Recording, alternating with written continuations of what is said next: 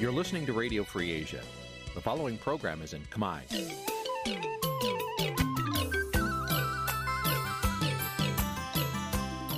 Nǐ chi càm bi tiệp xáy vệt chiu a zì sê ray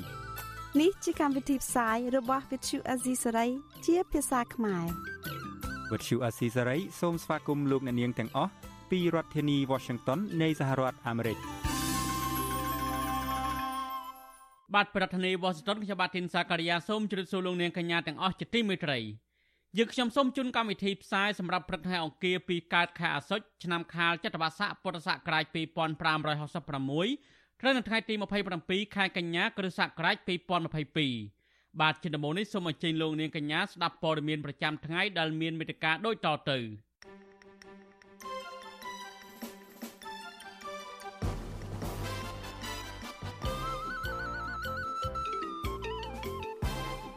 លោកហ៊ុនសែននឹងទៅចូលរួមពិធីបន់សពអតីតនាយករដ្ឋមន្ត្រីជប៉ុនលោកស៊ិនស៊ូអាបេពលករខ្មែរនៅប្រទេសថៃរិះគន់រដ្ឋាភិបាលថាមិនបានការពារសិទ្ធិនិងផលប្រយោជន៍របស់ពួកគេកម្មកររោងចក្រចាកចេញពីស្រុកកំណើតទៅធ្វើការនៅភ្នំពេញវិញក្រោយពីចប់ពិធីបុណ្យភ្ជុំបិណ្ឌសហគមន៍ព្រៃមេតាធម្មជាតិស្នើសុំឲ្យអភិបាលខេត្តកំពង់ស្ពឺចាប់ជនល្មើសដែលកាប់ឈើយកមកផ្ដន្ទាទោស រួមនឹងព័ត៌មានសំខាន់សំខាន់មួយចំនួនទៀត។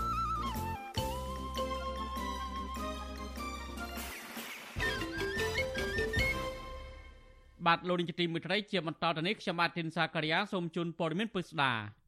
លោកនាយរដ្ឋមន្ត្រីហ៊ុនសែននឹងទៅចូលរួមពិធីបន់សពអតីតនាយរដ្ឋមន្ត្រីជប៉ុនលោក Shinzo Abe នៅរសៀលថ្ងៃទី27ខែកញ្ញានេះទីភ្នាក់ងារសារព័ត៌មានកម្ពុជា AKP បានរាយការណ៍ថាលោកនាយរដ្ឋមន្ត្រីហ៊ុនសែន និងគណៈប្រតិភូរដ្ឋាភិបាលកម្ពុជាបានទៅដល់ទីក្រុងតូក្យូប្រទេសជប៉ុនហើយកាលពីល្ងាចថ្ងៃទី26កញ្ញាម្សិលមិញដើម្បីរងចាំចូលរួមពិធីបន់សពលោកអាបេប្រពន្ធដដាលបញ្ជាក់ថានៅក្នុងពេលស្នាក់នៅទីក្រុងតូក្យូលោកហ៊ុនសែននឹងជួបពិភាក្សាជាមួយលោក Fumio Kishida ទោះជាយ៉ាងណានៅមិនទាន់ព័ត៌មានជាក់លាក់ពីប្រធានបទនៃការពិភាក្សារវាងមេដឹកនាំទាំងពីរនេះនៅឡើយទេលោកហ៊ុនសែននិងគណៈប្រតិភូនឹងវិលមកកម្ពុជាវិញនៅរសៀលថ្ងៃទី28កញ្ញា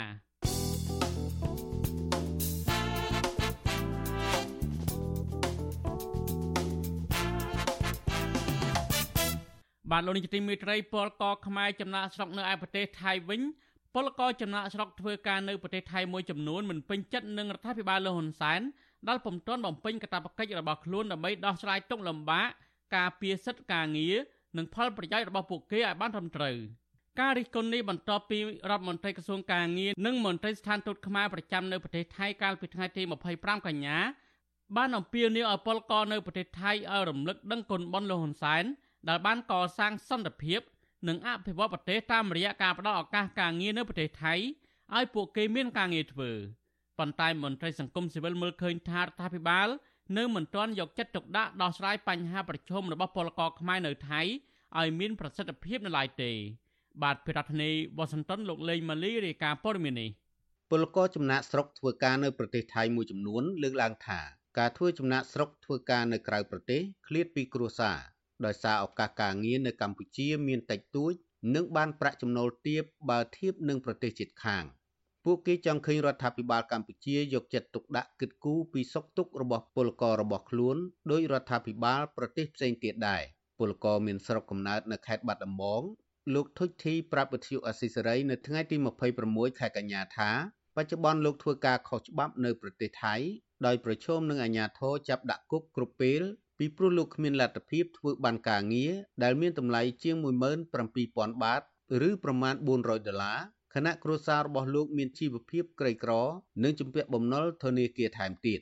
ពលកររូបនេះរៀបរាប់ថាពលរដ្ឋខ្មែរមិនចង់មកធ្វើការចំណាក់ស្រុកនៅក្រៅប្រទេសទាំងប្រថុយប្រឋាន និងគ្រោះថ្នាក់ដូចនេះទេតែដោយសារការងារក្នុងស្រុកមិនសូវមាន និងបានប្រាក់ឈ្នួលទាបដែលមិនអាចដោះស្រាយជីវភាពបាន។ លោកធុចធីឲ្យដឹងថាជាច្រើនឆ្នាំមកនេះ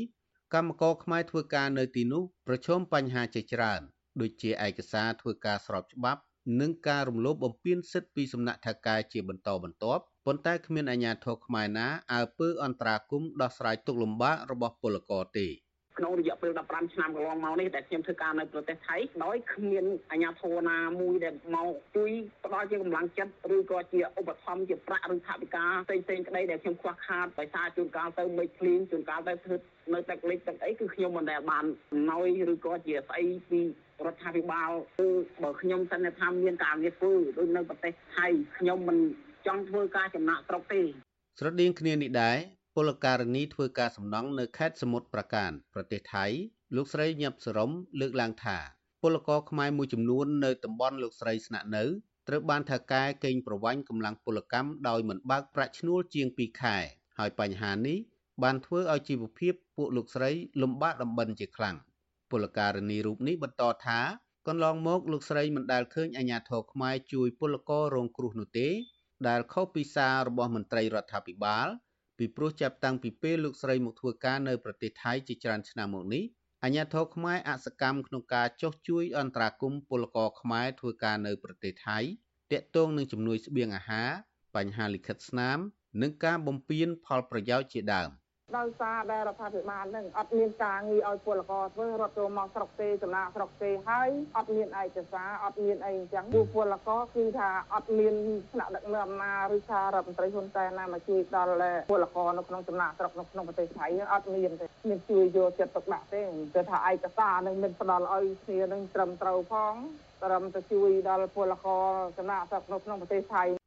ប្រតិកម្មរបស់ពលករខ្មែរនេះ ធ្វើឡើងបន្ទាប់ពីការថ្លែងរបស់រដ្ឋមន្ត្រីក្រសួងកាងារគឺលោកអ៊ិតសំហេងនៅក្នុងពិធីបុណ្យភ្ជុំបិណ្ឌជាមួយពលករខ្មែរនៅវត្តមួយក្នុងខេត្តសមុទ្រប្រការប្រទេសថៃកាលពីថ្ងៃទី25កញ្ញាលោកអ៊ិតសំហេងលើកឡើងថារដ្ឋាភិបាលកម្ពុជាតែងយកចិត្តទុកដាក់ចំពោះពលករខ្មែរតាមរយៈការជួយធ្វើអន្តរាគមន៍ផ្ដល់លិខិតស្នាម និងសេវាផ្សេងៗព្រមទាំងការពង្រឹងកិច្ចសហប្រតិបត្តិការជាមួយភាគីថៃ ដែលធ្វើឲ្យពលករទទួលបានឱកាសការងារធ្វើរកប្រាក់ចំណូលទទួលបានជំនាញនិងមានឱកាសនាំយកជំនាញការងារត្រឡប់ទៅស្រុកវិញឆ្លៀតក្នុងឱកាសនោះលោកបានអំពាវនាវដល់ពលករខ្មែរចំណាក់ស្រុកថាត្រូវដឹងគុណនាយករដ្ឋមន្ត្រីហ៊ុនសែនដែលលោកអះអាងថាបានកសាងសន្តិភាពអភិវឌ្ឍប្រទេសនិងផ្ដល់ឱកាសការងារនៅប្រទេសថៃជូនដល់ពលរដ្ឋខ្មែរយើងទាំងអស់គ្នាមានថ្ងៃនេះ យើងមានជោគជ័យមានលទ្ធផលផ្ដាច់ការដូចថ្ងៃនេះយើងក៏មិនត្រូវភ្លេចដល់អ្នកដឹកនាំដែលជាដើម្បីរបបសការៈរបស់យើងដែលលោកបានខិតខំសួរស្រាយផ្លូវឲ្យយើងទី1កសាងសន្តិភាពទី2អភិវឌ្ឍហើយទី3បង្កើតនៅកិច្ចសហប្រតិបត្តិការជាមួយប្រទេសជិតខាងដល់ឱកាសឲ្យបងប្អូនយើងអាចមកធ្វើការងារនៅទីនេះហើយនឹងតាមជួយថែទាំបងប្អូនយើង វិទ្យុអស៊ីសេរីមិនអាចតាក់ទងរដ្ឋលេខាធិការក្រសួងកាងារលោកហេងសួរនិងមន្ត្រីស្ថានទូតខ្មែរប្រចាំទីក្រុងបាងកកដើម្បីបកស្រាយបន្ថែមជុំវិញបញ្ហាពលករនេះទេនៅថ្ងៃទី26ខែកញ្ញាតាក់ទងរឿងនេះមន្ត្រីផ្នែកអន្តរប្រវេសប្រចាំប្រទេសថៃនៃអង្គការសង្ត្រាល់លោកលឹងសុផុនមានប្រសាសន៍ថាកន្លងមករដ្ឋាភិបាលកម្ពុជាមិនទាន់ការពារសិទ្ធិនិងផលប្រយោជន៍របស់ពលករខ្មែរនៅប្រទេសថៃឲ្យមានប្រសិទ្ធភាពនៅឡើយទេ លោកសង្កេតឃើញថាពលករភៀកច្រើននៅតែប្រឈមបញ្ហានៅឡើយដូចជាបញ្ហាលិខិតឆ្លងដែន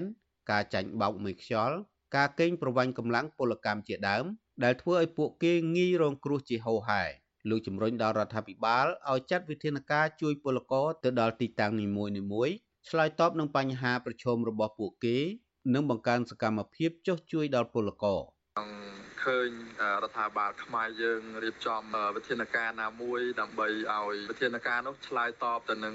បញ្ហាប្រឈមរបស់បងប្អូនពលករឲ្យមានប្រសិទ្ធភាពឡើងហើយណាមួយទៀតយើងធ្វើឲ្យឲ្យដល់មានន័យថាឲ្យដល់គោលដៅនៅក្នុងសហគមន៍មួយមួយនៅក្នុងកន្លែងមួយមួយហ្នឹងកុំឲ្យយើងស្អាតតែរបាយការណ៍តែយើងមិនស្អាតក្នុងការដោះស្រាយបញ្ហាអញ្ចឹងរបាយការណ៍ក្រសួងការងារកម្ពុជាឲ្យដឹងថា បច្ចុប្បន្នមានពលករខ្មែរជាង1លាន2សែននាក់កំពុងធ្វើការនៅប្រទេសថៃប៉ុន្តែរបាយការណ៍របស់អង្គការសង្ត្រាល់បង្ហាញថាមានពលករខ្មែរកំពុងធ្វើការដោយស្របច្បាប់ និងមិនស្របច្បាប់នៅប្រទេសថៃប្រមាណ2លាននាក់ដោយពួកគាត់មួយចំនួនទទួលរងការរំលោភបំពានសិទ្ធិការងារនិងបាត់បង់ផលប្រយោជន៍ដែលប៉ះពាល់ដល់សេដ្ឋកិច្ចគ្រួសារខ្ញុំបាទលេងម៉ាលីវិទ្យុអស៊ីសេរីរាយការណ៍ពីរដ្ឋធានី Washington បាទលោកនាយកទីមេត្រីតកតងនឹងកម្មករអរទេសនៅឯក្រុងប៉ោយប៉ែតឯនេះវិញក្រុមកម្មករអរទេសនៅក្រុងប៉ោយប៉ែតចោទមន្ត្រីកយថាមិនអោយពួកគេរកស៊ីឈ្នួលដឹកទំនិញនៅតំបន់ព្រំដែនខេត្តបន្ទាយមានជ័យនោះទេ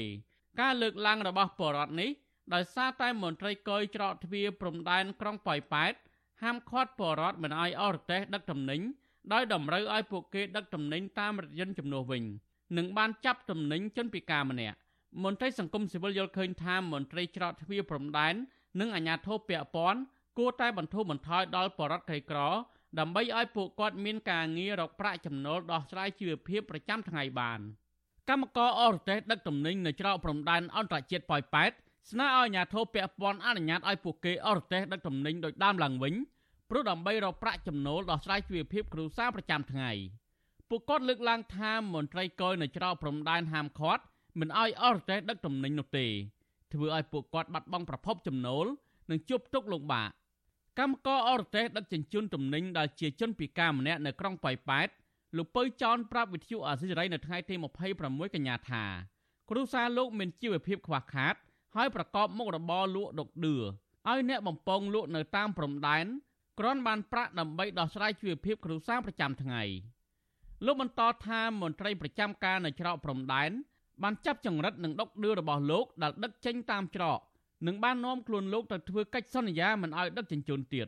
ដែលធ្វើឲ្យចង្រិតនិងដុកឌឿរបស់លោកខូចអស់លោកពៅចនបន្ថែមថាច្រកប៉ៃប៉ែតតាំងពីបើកច្រកមកវិញ គឺពិបាកប្រកបមុខរបរដោះស្រាយជីវភាពគ្រួសារដោយសារតែអាជ្ញាធរនៅតំបន់ព្រំដែនគៀបសង្កត់បរតក្រីក្រដឹកទំនិញបន្តិចបន្តួច។ គាត់ចាប់ដុកឌឺខ្ញុំចាប់ចង្រិតខ្ញុំដឹកមកជើងពីជើងគាត់ឲ្យមែនតែពេលចុងក្រោយគាត់លែងឲ្យឥឡូវយើងដឹកលែយើងរកស៊ីអីម្លោះហើយខ្ញុំថាអត់ខ្ញុំរកស៊ីមានមានណាតែពងគោខ្ញុំខ្ញុំវិការចរិយារកស៊ីតិចតួចលោកអីបិទសិតខ្ញុំឲ្យរកស៊ីដល់ពេលដឹកមកជើងទី2គេចាប់ខ្ញុំរោយនោះទី1ឲ្យទៅចាប់ម្លោះយើងដឹកហ្មងបិទឲ្យយើងរកស៊ីហ្មងផ្លូវហ្នឹងអរឿងកោវាចេះថាខុសដុកឌឺចង្រិតដល់គេថាគេខុសអីក៏ខុសអីក៏ខុសអីក៏ចាប់អីក៏ចាប់បាក់នោះអើយអារឿងកន្លែងគេគេថាបើគេខាងនិយាយហ្នឹងហើយ វិទ្យុអាស៊ីសេរីមិនអាចតាក់ទងប្រធានការិយាល័យកយនឹងរដ្ឋកោច្រកប៉ោយប៉ែតលោកងួនកសលនិងអភិបាលក្រុងប៉ោយប៉ែតលោកគាត់ហុលដើម្បីសុំអធិប្បាយជំវិញនឹងរឿងនេះបានទេនៅថ្ងៃទី26កញ្ញា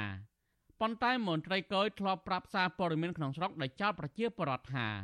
មូលហេតុដែលហាមឃាត់ពលរដ្ឋស៊ីឈ្នួលដឹកទំនិញដោយសារពួកគេលួចបង្កប់ទំនិញហាមឃាត់ទោះបីជាយ៉ាងនេះក្តីលោកពៅចនបានបដិសេធថា លោកនិងកម្មករអរទេសផ្សេងទៀតមិនបានបង្កប់ទំនិញហាមឃាត់ដោយការចាប់ប្រកាន់របស់អាជ្ញាធរឡើយលោកបញ្ជាក់ថាពួកលោកគ្រាន់តែដឹកចង្រិតនិងដុកឌឿដើម្បីយកមកលក់រកប្រាក់ចំណូលដោះស្រាយជីវភាពប្រចាំថ្ងៃតែប៉ុណ្ណោះជុំវិញនឹងរឿងនេះប្រធានសមាគមប្រជាធិបតេយ្យអាយក្រិចសេដ្ឋកិច្ចក្រៅប្រព័ន្ធលោកវ៉ុនពៅយល់ឃើញថាអាជ្ញាធរនៅតាមច្រកព្រំដែននិងអភិបាលខេត្តទទួលបន្ទុកគួរតែសម្រួលដល់បរិវត្តក្រីក្រដែលប្រកបមុខរបរអរទេស និងដឹកអីវ៉ាន់បន្តិចបន្តួចដើម្បីឲ្យពួកគេអាចរកប្រាក់ចំណូលដោះស្រាយជីវភាពប្រចាំថ្ងៃបានលោកបន្តថាប្រជាពលរដ្ឋក្រីក្រគ្មានលទ្ធភាពទិញឡានឬដឹកជញ្ជូនតាមឡានឡើយ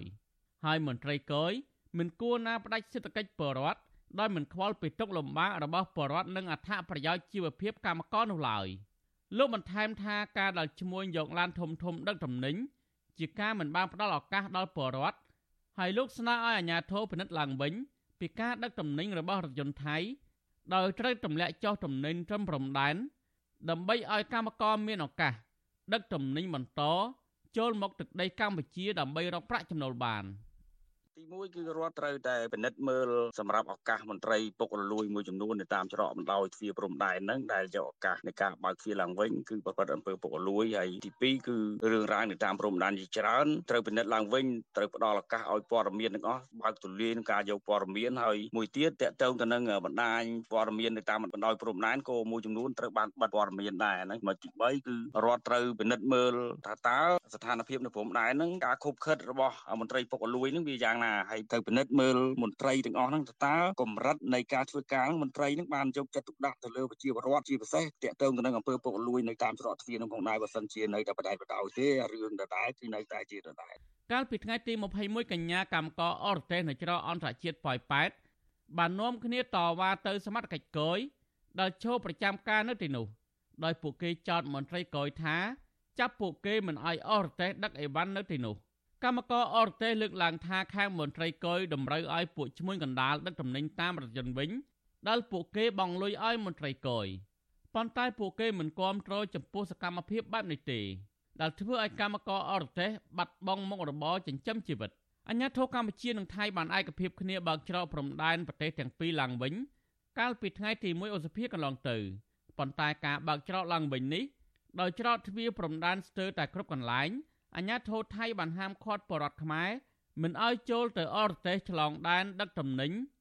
ឬទៅប្រកបរបរនៅខាងទឹកដីថៃបានដោយពីពេលមុនឡើយប្រជាពលរដ្ឋនៅមន្ត្រីសង្គមស៊ីវិលអំពាវនាវរដ្ឋាភិបាល និងក្រសួងស្ថាប័នពាក់ព័ន្ធគួរតែពិនិត្យនិងបើកទូលាយព័ត៌មាននៅតាមច្រកព្រំដែនដើម្បីសិក្សារកយន្តការដោះស្រាយបញ្ហានេះជូនពលរដ្ឋហើយជៀសវាងនាំឲ្យមានពលរដ្ឋខ្មែរចំណាក់ស្រុក និងវិបត្តិឥតការងារធ្វើនៅតាមព្រំដែនកាន់តែច្រើន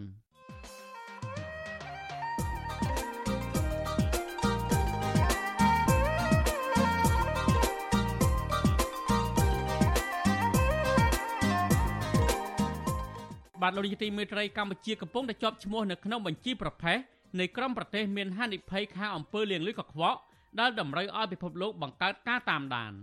អង្គការអន្តរជាតិផ្នែកប្រឆាំងអំពើលាងលុយកខ្វក់បានជំរុញរដ្ឋាភិបាលកម្ពុជា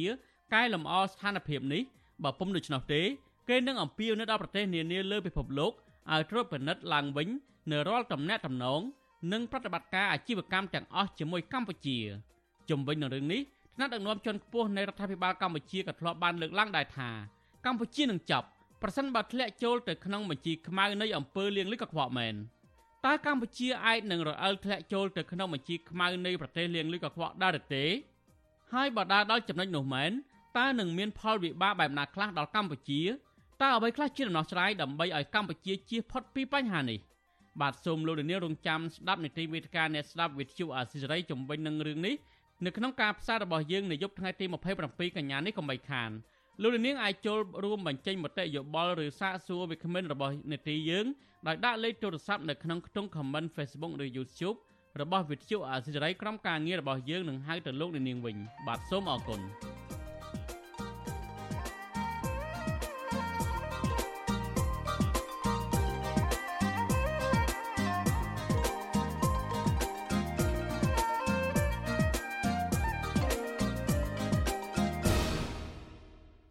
លោកនាយកទីមេត្រីតេតងនឹងការជប់សម្រាប់បនភ្ជុំបិណ្ឌវិញឥឡូវនេះកម្មករកម្មការិនីនិងអ្នកធ្វើការសិទ្ធិកិច្ចក្រៅប្រព័ន្ធបានសម្រុកចាកចេញពីស្រុកកំណើតត្រឡប់មកធ្វើការនៅរាជធានីភ្នំពេញវិញហើយក្រោយពីចប់ពិធីបុណ្យប្រជុំបិណ្ឌនៅស្រុកកំណើតប៉ុន្តែការធ្វើដំណើរវិលពីស្រុកកំណើតមកភ្នំពេញវិញនេះបរដ្ឋខ្លះត្អូញត្អែពីតម្លៃឡានឈ្នួលហក់ឡើងថ្លៃខុសពីថ្ងៃធម្មតាបាទអ្នកស្រីសុជីវីរាយការណ៍ព័ត៌មាននេះកម្មករកម្មការិនីនិងអ្នកធ្វើការសេដ្ឋកិច្ចក្រៅប្រព័ន្ធឲ្យដឹងថា បញ្ហាតម្លៃសម្បត្តិឡានឈ្នួលហក់ឡើងថ្លៃពេលមានបុណ្យជាតិម្ដងម្ដង នៅតែកើតមានដដែលដដែលជាច្រើនឆ្នាំមកហើយដែលរដ្ឋាភិបាលមិនបានចាត់វិធានការទប់ស្កាត់ឲ្យមានប្រសិទ្ធភាពនៅឡើយទេ ប្រការនេះធ្វើឲ្យកម្មការនីខ្លះរស់នៅខេត្តព្រៃវែងខេត្តស្វាយរៀងនិងខេត្តផ្សេងផ្សេងទៀតបានបង្ខំចិត្តជិះម៉ូតូទៅលេងស្រុកកំណើតដោយខ្លួនឯងពលរដ្ឋរស់នៅខេត្តកណ្ដាលលោកចិនសុធីប្រាប់វិទ្យុអាស៊ីសេរីថា តម្លៃសម្បត្តិឡានហក់ឡើងថ្លៃចាប់តាំងពីថ្ងៃទី23រហូតដល់ថ្ងៃទី26ខែកញ្ញាលើសថ្ងៃធម្មតាជាង10000រៀលហើយក្រោយចប់ពិធីបុណ្យភ្ជុំបិណ្ឌតម្លៃសម្បត្តិឡាននឹងបន្តហក់ឡើងថ្លៃទៀតដល់ថ្ងៃទី28ខែកញ្ញាគឺលើសថ្ងៃធម្មតាជាង10000រៀលទៅ20000រៀលលោកថាម្ចាស់រថយន្តឈ្នួលខ្លះដាក់មនុស្សលើចំណោះចង្អៀតណែនតាន់តាប់បង្កការលំបាកដល់អ្នកធ្វើដំណើរនិងបញ្ហាសុវត្ថិភាព។ លោកបញ្ជាក់ថាឡានខ្លះដាក់អីវ៉ាន់សំពីងសំពងតាមដងផ្លូវស្ទះចរាចរណ៍ជាច្រើនគីឡូម៉ែត្រនៅតាមផ្លូវជាតិមួយចំនួនរួមមានផ្លូវជាតិលេខ1ផ្លូវជាតិលេខ 6A និងផ្លូវជាតិលេខ3ជាដើមពេញទៅខេត្តតម្លៃខុសពីថ្ងៃធម្មតា10000រៀលបានន័យថាចាប់ពីភ្នំពេញទៅសៀមរាបតម្លៃថា50000អញ្ចឹងបានន័យថាខែបនទៀននេះគឺឡើងដល់ទៅ10000ស្មើនឹង60000ហើយសម្រាប់ខេត្តផ្សេងផ្សេងទៀតគឺឡើងតាមនឹងឡើង10000 10000 ចំណែកកម្មការនីរស់នៅខេត្តសៀមរាបកញ្ញាឡោមរាត្រីថ្លែងថាកម្មការនីរោងចក្រមកលេងស្រុកកំណើតភ ieck ច្រើនចាយវាយត្បិតត្បៀតដោយសារតែពួកគាត់មិនសូវមានប្រាក់សម្រាប់ធ្វើបុណ្យនោះទេព្រោះជីវភាពខ្វះខាតកញ្ញាបន្ថែមថាអ្នកធ្វើដំណើរភ ieck ច្រើនមិនសូវបារម្ភនឹងជំងឺឆ្លង Covid-19 នោះឡើយហើយពួកគាត់ភ ieck ច្រើនមិនសូវពាក់ម៉ាស់និងប្រើអាល់កុលនោះទេ ចំណែកអ្នករត់តាក់ស៊ីតាមផ្លូវជាតិលេខ1ភ្នំពេញព្រៃវែងនិងស្វាយរៀងលោកឈួនពេជ្រទទួលស្គាល់ថាលោកពិតជាបានដំឡើងថ្លៃតាក់ស៊ីនៅថ្ងៃមុនខុសថ្ងៃធម្មតាជាង10000រៀល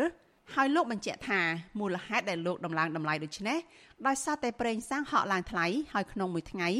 លោករត់តាក់ស៊ីបានតែមួយជើងប៉ុណ្ណោះ អាតូចអាស៊ីណាដូច Highlander ហ្នឹងថា4ហើយមើលឡាន5ខ្ញុំគេតែ3ទៅពេលព្រឹកមកថាឥឡូវឡប់មកដល់ផ្ទះវិញហើយតាបងថ្ងៃជើងមាន2ណារត់រៀនបកទៅមួយជើងទេខាត់ខាត់ប្រេងចំណែកឯនៅរាជធានីភ្នំពេញស្ទើរគ្រប់តាមដងផ្លូវមានការកកស្ទះខ្លាំងដោយសារតែកម្មករកម្មការនីសម្រុកវិលចូលមកធ្វើការវិញក្រោយពីពួកគាត់បានទៅដើរលេងកម្សាន្តជួបជុំក្រុមគ្រួសារនៅក្នុងឱកាសពិធីបុណ្យភ្ជុំបិណ្ឌ ដោយឡែកគ្រោះថ្នាក់ចរាចរណ៍នៅថ្ងៃពិធីបុណ្យឆ្លងភ្ជុំបិណ្ឌកើតឡើងជាង10ករណីបណ្ដាលឲ្យមនុស្សស្លាប់11នាក់របាយការណ៍របស់នាយកដ្ឋាននគរបាលចរាចរណ៍នៃអគ្គស្នងការដ្ឋាននគរបាលជាតិឲ្យដឹងថាកាលពីថ្ងៃទី25ខែកញ្ញាក្នុងថ្ងៃបុណ្យឆ្លងភ្ជុំបិណ្ឌមានករណីគ្រោះថ្នាក់ចរាចរណ៍ផ្លូវគោកទូទាំងប្រទេសកើតឡើងចំនួន13លើកបណ្ដាលឲ្យមនុស្សស្លាប់11នាក់រងរបួសសរុប19នាក់ វិទ្យុអាស៊ីសេរីមិនអាចតាក់ទងសុំការបំភ្លឺរឿងនេះពីអ្នកនាំពាក្យអង្គភាពអ្នកនាំពាក្យរដ្ឋាភិបាលលោកផៃស៊ីផានបាននៅឡើយទេ នៅថ្ងៃទី26ខែកញ្ញានេះជុំវិញរឿងនេះប្រធានសមាគមប្រជាធិបតេយ្យឯករាជ្យនៃសេដ្ឋកិច្ចក្រៅប្រព័ន្ធលោកវ៉ាន់ពៅសង្កេតឃើញថាបុណ្យភ្ជុំបិណ្ឌឆ្នាំនេះអ្នកធ្វើការសេដ្ឋកិច្ចក្រៅប្រព័ន្ធខ្លះបានទៅលេងស្រុកកំណើតហើយខ្លះទៀតមិនបានទៅនោះទេព្រោះតែជីវភាពខ្វះខាតលោកសង្កេតឃើញថា ពលរដ្ឋសម្រុកទៅវត្តអារាមច្រើនកុះកនៅក្នុងឆ្នាំនេះដោយពួកគាត់មិនខ្វល់ពីជំងឺឆ្លង Covid-19 នោះទេអ្នកដែលធ្វើដំណើរនៅដាក់អីវ៉ាន់សពីងសពងដោយសារឡានដែលអ្នកនៅតាមជនបទដែលឆ្ងាយពីផ្លូវជាតិគាត់ឡានតាមភូមិមួយមិនសូវសម្បូរឡានដូចអ្នកនៅជាប់ផ្លូវជាតិអញ្ចឹងគាត់នាំគ្នាជីវជាតិគ្នាអញ្ចឹងទៅទោះជាយ៉ាងណាប្រជាពលរដ្ឋមួយចំនួនលើកឡើងថាពិធីបុណ្យភ្ជុំបិណ្ឌឆ្នាំនេះមានមនុស្សម្នាច្រើនកកកចូលរួមពិធីបុណ្យទានតាមវត្តអារាមនិងខ្លះទៀត ជួបជុំបងប្អូនហូបចុកទទួលទានស្រាតាមផ្ទះនិងចាក់ធុងបាសរំកំសាន្តពលរដ្ឋខ្លះទៀតបានធ្វើដំណើរកម្សាន្តតាមរមណីយដ្ឋាននានានៅក្នុងខេត្តមួយចំនួន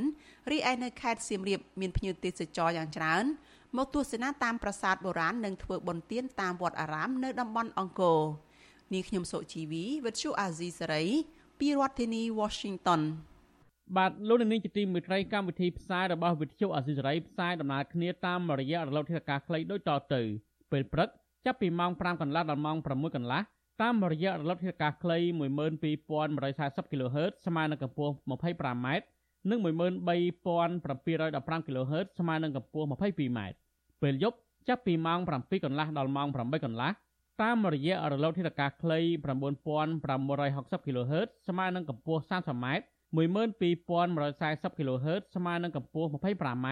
និង11885 kHz ស្មើនឹងកម្ពស់ 25m បាទលោកនាយកទីមេត្រីតេតនបតល្មើសព្រៃឈើវិញប្រជាសហគមន៍ព្រៃមេតាធម្មជាតិស្នើសុំដល់អភិបាលខេត្តកំពង់ស្ពឺចាត់វិធានការទៅលើជនល្មើសដែលបានលួចកាប់ឈើនៅក្នុងព្រៃសហគមន៍បណ្ដាលឲ្យដួលលើបដិមាព្រះពុទ្ធខូចចំនួន3អង្គមន្ត្រីសង្គមស៊ីវិលចាត់ទុកទង្វើរបស់ក្រុមជនល្មើស ជាអំពើអសិលធម៌គ្មានសាសនាហើយស្នើសុំឲ្យថ្នាក់ដឹកនាំរដ្ឋាភិបាលបញ្ឈប់ការផ្ដាល់ដីសម្បត្តិលើព្រៃសហគមន៍បន្តទៀតបាទប្រធានាធិបតីវ៉ាស៊ីនតោនលោកសនចន្ទរដ្ឋារាយការណ៍ព័ត៌មាននេះបលមើព្រៃឈើក្នុងព្រៃសហគមន៍ម្ដំស្រែពោះឬព្រៃមេតាធម្មជាតិនៅតែបន្តកាត់មានបើទោះបីជាក្នុងពិធីបុណ្យភ្ជុំបិណ្ឌយ៉ាងណាក្តីនៅក្នុងនោះព្រះពុទ្ធបដិមាក3អង្គខូចខាតដោយសារចលមើកាប់ឈើដួលលើកាលពីថ្ងៃទី24ខែកញ្ញា សមាជិកសហគមន៍ព្រៃមេតាធម្មជាតិលោកឡោកសុលីប្រាវិទ្យាអេស៊ីសរ៉ៃថាលោកសោកស្ដាយនឹងសង្វេគនៅពេលឃើញព្រះពុទ្ធបដិមាត្រូវបានបំផ្លាញដោយសារការកាប់បំផ្លាញព្រៃឈើលោកឡោកសុលីចាត់ទស្សកម្មភាពបែបនេះថាជាការប្រមាថមើលងាយដល់សាសនាជារបស់ខ្លួនហើយលោកស្នើសុំអាជ្ញាធរពាក់ព័ន្ធមានវិធានការជាបន្ទាន់ហើយដាក់ទោសទណ្ឌដល់ជនល្មើសទៅនេះតាមច្បាប់ជាមួយគ្នានេះលោកឡោសលីស្នើសុំអភិបាលខេត្តកំពង់ស្ពឺជួយអន្តរាគមន៍ការពារព្រៃសហគមន៍មេតាធម្មជាតិ ដោយកំណត់ព្រំប្រទល់ព្រៃសហគមន៍ឲ្យបានលឿនដើម្បីរក្សាព្រៃនេះជាចម្រុះសត្វព្រៃហើយប្រជាសហគមន៍មូលដ្ឋានទាញយកអនុផលព្រៃឈើខ្ញុំចង់សំណូមពរទៅដល់អាជ្ញាធរស្ថាប័នពាក់ព័ន្ធទាំងអស់ឲ្យជួយអន្តរាគមន៍ទៅលើការកាប់បំផ្លាញព្រៃសហគមន៍នឹងព្រោះក្នុងសហគមន៍គឺគាត់ចង់ការពារឲ្យនៅគង់វង្ស ចង់ឲ្យសល់ព្រៃចង់ឲ្យបានសត្វព្រៃរស់នៅនិងប្រជាពលរដ្ឋមូលដ្ឋានគាត់បានអាស្រ័យផល បានមើលគូមើលកបី បានដកផ្សិតដកបន្លែជុំវិញរឿងនេះមន្ត្រីប្រព័ន្ធផ្សព្វផ្សាយនៃសមាគមបណ្ដាញយុវជនកម្ពុជាលោកម៉ាចត្រាប្រាវិទ្យាអេស៊ីសរ៉ៃថាលោកតក់ស្លុតនៅពេលឃើញក្រុមជលមើកាប់ព្រៃឈើដោយមានចេតនាបំផ្លាញព្រះពុទ្ធបដិមាដូចនេះលោកម៉ាចត្រាចាត់ទុកអ្នកដែលប្រព្រឹត្តអំពើនេះគឺជាក្រុមមនុស្សឥតសាសនា ដែលអាញាធមមូលដ្ឋានត្រូវមានចំណាត់ការជាបន្ទាន់លោកម៉ាចត្រាបន្ថែមថាមូលហេតុដែលបណ្ដាមានបលល្មើសព្រៃឈើនៅក្នុងសហគមន៍មេតាធម្មជាតិនៅតែបន្តកើតមានគឺបណ្ដាមកពីអាញាធរខេតអនុវត្តច្បាប់ធូររលុងលោកម៉ាចត្រាស្នើសុំថ្នាក់ដឹកនាំរដ្ឋាភិបាលឈប់ផ្ដល់ដីសម្បត្តិដល់កងកម្លាំងប្រដាប់អាវុធលើដីព្រៃសហគមន៍នេះដោយសារសកម្មភាពដូចនេះមិនត្រឹមតែប៉ះពាល់ដល់សិទ្ធិប្រជាពលរដ្ឋមូលដ្ឋានប៉ុណ្ណោះទេក៏ជាកត្តាជំរុញមានបំរែបំរួលអាកាសធាតុផងដែរ ហើយបើយើងប្រៀបធៀបមើលដូចពួកអ្នកធំមួយចំនួនដីគាត់ច្រើនរាប់ពាន់សិបហិកតាអីចឹងទៅគួរណាតែយើងទៅគិតគួរដីនោះយកមកឲ្យទៅហ៊ានវិញយើងកុំទៅយកដីព្រៃដែលជាសម្បត្តិផងជាតិទាំងអស់គ្នាយកទៅបំផ្លិចបំផ្លាញបែបហ្នឹងវាជារឿងមួយអត់សមរម្យហើយវាប៉ះពាល់ទៅដល់បរិស្ថានប្រទេសយើងទាំងមូលដូចយើងឃើញហើយបំរែបំរួលអាកាសធាតុនេះវាជាការរួមចំណែកយ៉ាងសំខាន់ណាស់ដល់ការកាប់បំផ្លាញព្រៃឈើហ្នឹងវិទ្យុអេស៊ីសេរីមិនតន់អាចតតងអភិបាលខេត្តកំពង់ស្ពឺលោកវីសំណាង ដើម្បីសូមអត្ថាធិប្បាយពីរឿងនេះបានទេ នៅថ្ងៃទី26ខែកញ្ញាបើទោះបីជាយ៉ាងណាលោកវីសំណាងបានឆ្លើយតបសារព័ត៌មាន VD កាលពីថ្ងៃទី25ខែកញ្ញាថាលោកបានដឹងពីការលួចកាប់ឈើរហូតដល់មកខូចខាតពុតបដមានេះហើយហើយលោកថាញាធនចាវិធានការលើក្រុមជលមើក្រោយពិធីបុណ្យភ្ជុំបិណ្ឌកាលពីខែសីហាឆ្នាំ2021កន្លងទៅ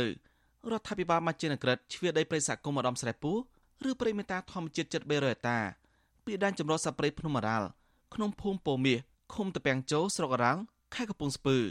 ដើម្បីបាញ់ចាយជូនដល់គ្រួសារយុធិនកងរក្រោះងូចសឹបចំនួន41គ្រួសារនិងប្រកក្រីក្រជាច្រើនគ្រួសារទៀតសម្រាប់សង់លំនៅឋានហើយបង្កបង្កើនផល តែទោះបីជាយ៉ាងណាមន្ត្រីសង្គមស៊ីវិលស៊ើបដឹងថាគម្រោងកាត់ជ្រៀតដីព្រៃអភិរក្សនេះដើម្បីបាញ់ចាយជូនដល់គ្រួសារកងទ័ពគឺជាល្បិចអាក្រក់បំណងច្បាមយកដីព្រៃលក់តែប៉ុណ្ណោះមិនមែនបាញ់ចាយជូនដល់ប្រកក្រីក្រ និងគ្រូសាយោធិនក្រីក្រពិតប្រាកដនោះទេលើពីនេះក្រុមអ្នកមានអំណាចបានយកឈ្មោះមន្ត្រីយោធានិងបរិក្រីក្រជាខែលដើម្បីស្នើសុំរដ្ឋាភិបាលកាត់ជ្រឿដីតំបន់នោះដើម្បីផលប្រយោជន៍ផ្ទាល់ខ្លួនតែប៉ុណ្ណោះព្រៃសហគមន៍មេតាធម្មជាតិមានផ្ទៃដីជាង800ហិកតា មានសត្វព្រៃកម្រច្រើនប្រភេទរនៅក្នុងនោះមានតូច ស្វាកង្កោកមន់ព្រៃនិងឆ្លុះជាដើមបើទោះបីជាមានការសន្យាពីអភិបាលខេត្តលោកវីសំណាងថានឹងការពារព្រៃសហគមន៍នេះ កាលពីដើមខែសីហាឆ្នាំ2022យ៉ាងណាក្តីក៏មកទល់ពេលនេះក្រុមអ្នកមានអំណាចមន្ត្រីយោធានិងឈ្មោះខិលខូចនៅតែបន្តសកម្មភាពកាប់ព្រៃនៅទន្ទ្រានយកដីព្រៃនេះមិនឈប់ឈរទេខ្ញុំសនចាររថាវិទ្យុអេស៊ីសេរីរាយការណ៍ពីរដ្ឋធានីវ៉ាស៊ីនតោនបាទលោកនាយកទីមេត្រីក្នុងឱកាសនេះដែរខ្ញុំបាទសូមថ្លែងអំណរគុណដល់លោកនាងកញ្ញាទាំងអស់ដែលតែងតែមានភក្ដីភាពចំពោះការផ្សាយរបស់យើងហើយចាត់ទុកការស្ដាប់វិទ្យុអេស៊ីសេរីជាផ្នែកមួយ នៃសកម្មភាពប្រចាំថ្ងៃរបស់លោកនាងការគ្រប់គ្រងរបស់លោកនាងនេះហើយដែលធ្វើឲ្យយើងខ្ញុំមានទឹកចិត្តកាន់តែខ្លាំងថែមទៀតក្នុងការស្វែងរកនិងផ្តល់ព័ត៌មានជូនលោកនាងមានអ្នកស្ដាប់មានអ្នកទស្សនាកាន់តែច្រើនកាន់តែធ្វើឲ្យយើងខ្ញុំមានភាពស្វាហាប់មោះមុតជាបន្តទៅទៀតយើងខ្ញុំសូមអរគុណទុកជាមុនហើយសូមអញ្ជើញលោកនាងកញ្ញាចូលរួមជំរុញឲ្យសកម្មភាពផ្តល់ព័ត៌មានរបស់យើងនេះកាន់តែជោគជ័យបន្ថែមទៀត លោកនាងអាចជួយយើងខ្ញុំបានដោយគ្រាន់តែចុចចែករំលែកឬ share ការផ្សាយរបស់យើងនៅលើបណ្ដាញសង្គម Facebook និង YouTube ទៅកាន់មិត្តភ័ក្តិដើម្បីឲ្យការផ្សាយរបស់យើងបានទៅដល់មនុស្សកាន់តែច្រើនសូមអរគុណ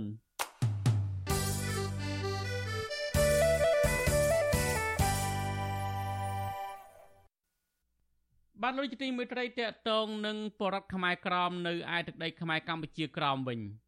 សហព័ន្ធខ្មែរកម្ពុជាក្រមថ្កោលទោសអាញាធរវៀតណាម ដែលបន្តធ្វើទុកបុកម្នេញពលរដ្ឋនិងយុវជនខ្មែរកម្ពុជាក្រមដែលហ៊ានងើបឡើងតវ៉ាទាមទារសិទ្ធិជនជាតិដើមប្រតិកម្មរបស់សហព័ន្ធនេះធ្វើឡើងបន្ទាប់ពីអាញាធរវៀតណាមបានព្យាយាមបំបែកការជួបជុំរបស់ពលរដ្ឋខ្មែរក្រមដែលបានប្រមូលផ្ដុំគ្នាធ្វើពិធីខួប15ឆ្នាំនៃថ្ងៃដែលអង្គការសហប្រជាជាតិបានអនុម័តសេចក្តីប្រកាសស្តីពីសិទ្ធិជនជាតិដើម កាលពីឆ្នាំ2007បានប្រធានាធិបតីវ៉ាស៊ីនតោនលោកយុនសាមៀនរាយការណ៍ព័ត៌មាននេះ សហព័ន្ធខ្មែរកម្ពុជាក្រោមបានធ្វើលិខិតសូមកិច្ចអន្តរាគមន៍ពីអង្គការសហប្រជាជាតិដើម្បីស្នើឲ្យអាជ្ញាធរនៃរដ្ឋាភិបាលវៀតណាមបញ្ឈប់ការធ្វើទុកបុកម្នេញលើពលរដ្ឋខ្មែរកម្ពុជាក្រោមដែលកំពុងប្រើប្រាស់សិទ្ធិជាជនជាតិដើមអនុប្រធានសហព័ន្ធខ្មែរកម្ពុជាក្រោមលោកម៉ៅមុនីប្រាវវិទ្យុអាស៊ីសេរីថាសហព័ន្ធស្នើឲ្យអង្គការសហប្រជាជាតិជំរុញឲ្យវៀតណាមអនុវត្តការបដិញ្ញាចិត្តរបស់ខ្លួនក្នុងការគោរពសិទ្ធិជនជាតិដើម ដោយសារតែប្រទេសកុម្មុយនីសមួយនេះបានបោះឆ្នោតគាំទ្រសេចក្តីប្រកាសនេះកាលពីឆ្នាំ2007យើងចង់ឲ្យអង្គការសហជាតិនឹងផ្ញើសម្បត្តិឲ្យរដ្ឋាភិបាលយួនហ្នឹងឲ្យទទួលស្គាល់ស្អីខ្លួនឯងបានសញ្ញាមួយអង្គការសហជាតិហ្នឹងថាបើយើងសញ្ញាហើយត្រូវតែគោរពណាมันអាចហាមឃាត់ខ្មែរក្រមគ្រាន់តែធ្វើបុណ្យអបអរសាទរប៉ុណ្ណឹងរដ្ឋាភិបាលយួនមករារាំងឬមួយហៅយើងទៅសួរចម្លើយគម្រាមកំហែងអញ្ចឹងណាយើងនឹងយើងនឹងឲ្យអង្គការសហជាតិធ្វើឲ្យ កាលពីថ្ងៃទី13ខែកញ្ញាយុវជនខ្មែរកម្ពុជាក្រោមនៃសមាគមកូនខ្មែរដើម្បីអភិវឌ្ឍបានប្រមូលផ្ដុំគ្នាប្រមាណ100នាក់ធ្វើពិធីអបអរសាទរខួប15ឆ្នាំនៃថ្ងៃដែលអង្គការសហប្រជាជាតិបានអនុម័តសេចក្តីប្រកាសស្តីពីសិទ្ធិជនជាតិដើមនៅខេត្តព្រះត្រពាំងប៉ុន្តែពេលពលរដ្ឋខ្មែរកម្ពុជាក្រោមកំពុងតែប្រារព្ធពិធីនេះអាញាធរវៀតណាមជាច្រើនអ្នកបានមករំខាន និងឲ្យពលរដ្ឋខ្មែរក្រោមផ្អាកពិធីនេះ ដោយសំអាងថាពលរដ្ឋខ្មែរក្រោមធ្វើពិធីនេះដោយខុសច្បាប់ទោះបីជាយ៉ាងណាយុវជនខ្មែរក្រោមបានបន្តធ្វើពិធីនោះរហូតដល់ចប់ទើបរំសាយគ្នាយុវជនខ្មែរកម្ពុជាក្រោមលោកយឿងខាយប្រាប់វិទ្យុអាស៊ីសេរីថាការប្រពៃទិវានេះដើម្បីជាប្រយោជន៍ខ្មែរក្រោមជាជនជាតិដើមនៅក្នុងទិវានេះយុវជនខ្មែរក្រោមបានចែកអំណោយដល់ពលរដ្ឋខ្មែរក្រោមដែលមានវ័យចំណាស់ និងអានខ្លឹមសារនៃសេចក្តីប្រកាសស្តីពីសិទ្ធិជនជាតិដើម របស់អង្គការសហប្រជាជាតិលោកយឿងខាយចាត់ទុកទង្វើរបស់វៀតណាម ថាជាការរំលោភសិទ្ធិប្រមូលផ្ដុំ ជាពិសេសសិទ្ធិជនជាតិដើមពលយើងឃើញថាអាញាធរវៀតណាមគាត់ធ្វើរារាំងអញ្ចឹងគឺធ្វើខុសច្បាប់ហើយព្រោះអីសេចក្តីប្រកាសរបស់អង្គការសហប្រជាជាតិស្តីពីសិទ្ធិជនជាតិដើម13កញ្ញាឆ្នាំ2007ដោយ13កញ្ញាថ្ងៃនេះ ឆ្នាំ2022គាត់មិនបានបានអនុវត្តទេពេលពួកអូនអនុវត្តគឺគាត់រារាំងគាត់ថាខុសច្បាប់គាត់មិនចង់ឲ្យជនជាតិដើមខ្មែរក្រមប្រពកម្មវិធីជនជាតិដើមទេព្រោះអីគេចោទថានៅប្រទេសវៀតណាមគ្មានជនជាតិដើមទេរដ្ឋាភិបាលអញ្ចឹងពលរដ្ឋខ្មែរក្រោមថាអាញាធរវៀតណាមមិនទុកឲ្យខ្មែរក្រោមបានសុខនោះទេកាលពីថ្ងៃទី15កញ្ញាក្រោយពលរដ្ឋខ្មែរក្រោមធ្វើពិធីនោះរួចមក អាញាធរវៀតណាមនៅខេត្តឃ្លៀងបានកោះហៅយុវជនខ្មែរក្រៅម្នាក់ឈ្មោះយ៉ាញ់មិនហ្វាង ទៅសាកសួរលោករឿងពាក់អាវយឺតដាក់អសរថាពិធីអបអរសាទរខួប15ឆ្នាំ ថ្ងៃអង្គការសហប្រជាជាតិអនុម័តសេចក្តីប្រកាសស្តីពីសិទ្ធិជនជាតិដើមអញ្ញាធិវៀតណាមកាលពីថ្ងៃទី22កញ្ញាក៏បានកោះហៅខ្មែរក្រៅម្នាក់ទៀតឈ្មោះលោកថាច់ផែនទៅសាកសួរ ពាក់ព័ន្ធទៅនឹងការចូលរួមពិធីអបអរសាទរខួប15ឆ្នាំនៃថ្ងៃអង្គការសហប្រជាជាតិអនុម័តសេចក្តីប្រកាសស្តីពីសិទ្ធិជនជាតិដើមដែរអាញាធរវៀតណាមបានឲ្យអ្នកទាំងពីរត្រឡប់ទៅផ្ទះវិញ បន្ទាប់ពីបានសាកសួរពួកគេអស់ជាច្រើនម៉ោងរួចមកអង្គការសហប្រជាជាតិបានអនុម័តសេចក្តីប្រកាសស្តីពីសិទ្ធិជនជាតិដើមកាលពីឆ្នាំ2007សេចក្តីប្រកាសនេះជាឧបករណ៍សំខាន់ដើម្បីការពារសិទ្ធិជនជាតិដើម សេចក្តីប្រកាសនេះបានដាក់ចេញនៅលក្ខខណ្ឌស្តង់ដារអបបរមាធានាការរស់រានមានជីវិតកិត្តិយសសុខុមាលភាពនៃជនជាតិដើមជុំវិញពិភពលោកការបញ្ជាក់ឡើងវិញនៅសិទ្ធិជាមូលដ្ឋាន និងសិទ្ធិមនុស្សដែលមានស្រាប់ឲ្យស្របទៅតាមស្ថានភាពនៃជនជាតិទោះបីវៀតណាមបានព្រមទទួលយកអនុវត្តនៅសេចក្តីប្រកាសស្តីពីសិទ្ធិជនជាតិដើមក៏ដោយក៏វៀតណាមបន្តធ្វើទុកបុកម្នេញពលរដ្ឋខ្មែរក្រោម និងជនជាតិដើមផ្សេងផ្សេងទៀតដែរជុំវិញការប្រពៃពិធីអបអរសាទរខួប15ឆ្នាំនេះដែរប្រធានសហព័ន្ធខ្មែរកម្ពុជាក្រោមលោកប្រាក់សេរីវុឌ្ឍបញ្ជាក់ក្នុងសេចក្តីថ្លែងការណ៍ថាសហព័ន្ធខ្មែរកម្ពុជាក្រោមធ្វើការតស៊ូដោយសន្តិវិធីនិងអហិង្សានៅលើឆាកអន្តរជាតិដើម្បីស្វែងរកសិទ្ធិសម្រេចវាសនាដោយខ្លួនឯងជូនប្រជាជាតិខ្មែរក្រោមនៅដែនដីកម្ពុជាក្រោមស្របតាមច្បាប់អន្តរជាតិ និងសេចក្តីប្រកាសស្តីពីសិទ្ធិជនជាតិដើម ដែលមានចែងក្នុងមាត្រា3ថាជនជាតិដើមមានសិទ្ធិស្វ័យសម្រេចលោកបន្តថាតាមស្មារតីនៃសិទ្ធិនេះជនជាតិដើមធ្វើសេចក្តីសម្រេចចិត្តអំពីស្ថានភាពនយោបាយរបស់ខ្លួនដោយសេរីនិងធ្វើការអភិវឌ្ឍសេដ្ឋកិច្ចសង្គមគិច្ចនិងវប្បធម៌របស់ខ្លួនដោយសេរីចំណែកមាត្រា4ចែងថាជនជាតិដើមក្នុងការអនុវត្តសិទ្ធិស្វ័យសម្រេចរបស់ខ្លួន មានសិទ្ធិគ្រប់យ៉ាងដោយខ្លួនឯងឬដោយស្វ័យភាពលើបញ្ហាទាំងឡាយដែលតាក់ទងដល់កិច្ចការផ្ទៃក្នុង និងកិច្ចការនៅមូលដ្ឋានរបស់ខ្លួនព្រមទាំងវិធីសាស្ត្រមធ្យោបាយផ្សេងផ្សេងសម្រាប់ផ្ដល់ហិរញ្ញវត្ថុដល់ដំណើរការស្វ័យភាពរបស់ខ្លួនលោកប្រាក់សេរីវុឌ្ឍបន្តថាពលរដ្ឋខ្មែរក្រោមរាប់លាននាក់នៅលើទឹកដីកម្ពុជាក្រោមគួរណាស់តែទទួលបាននៅសិទ្ធិជាជនជាតិដើម តែផ្ទុយទៅវិញ ពួកគាត់នៅតែត្រូវប្រឈមនឹងការរើសអើងពូជសាសន៍រំលោភបំពានសិទ្ធិមនុស្សការធ្វើទុកបុកម្នេញនិងជ្រៀតជ្រែកចូលកិច្ចការផ្ទៃក្នុងព្រះពុទ្ធសាសនាលោកបដិញ្ញាថាសហព័ន្ធនឹងផ្សព្វផ្សាយឲ្យពលរដ្ឋខ្មែរក្រោមគ្រប់រូបបានសិក្សាស្វែងយល់ឲ្យបានច្បាស់លាស់នៅសិទ្ធិជាមូលដ្ឋានរបស់ខ្លួន ដើម្បីឲ្យពួកគាត់មានសេចក្តីក្លាហានក្នុងការប្រើប្រាស់នៅសិទ្ធិទាំងនោះ ហើយហ៊ានធ្វើសេចក្តីសម្រេច លើជោគវាសនាជាតិរបស់ខ្លួន ក្នុងការសម្រេចវាសនាដោយខ្លួនឯងនៅលើទឹកដីកម្ពុជាក្រោមដោយគ្មានការភ័យខ្លាចឡើយខ្ញុំយុនសាមៀនវុទ្ធុអាស៊ីសេរីប្រធានាធិបតី Washington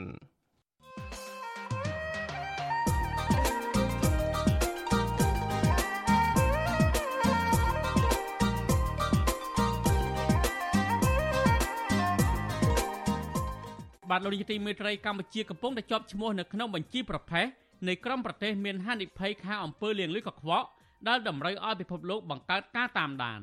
អង្គការអន្តរជាតិផ្នែកប្រឆាំងអំពើលាងលុយកខ្វក់បានជំរុញរដ្ឋាភិបាលកម្ពុជា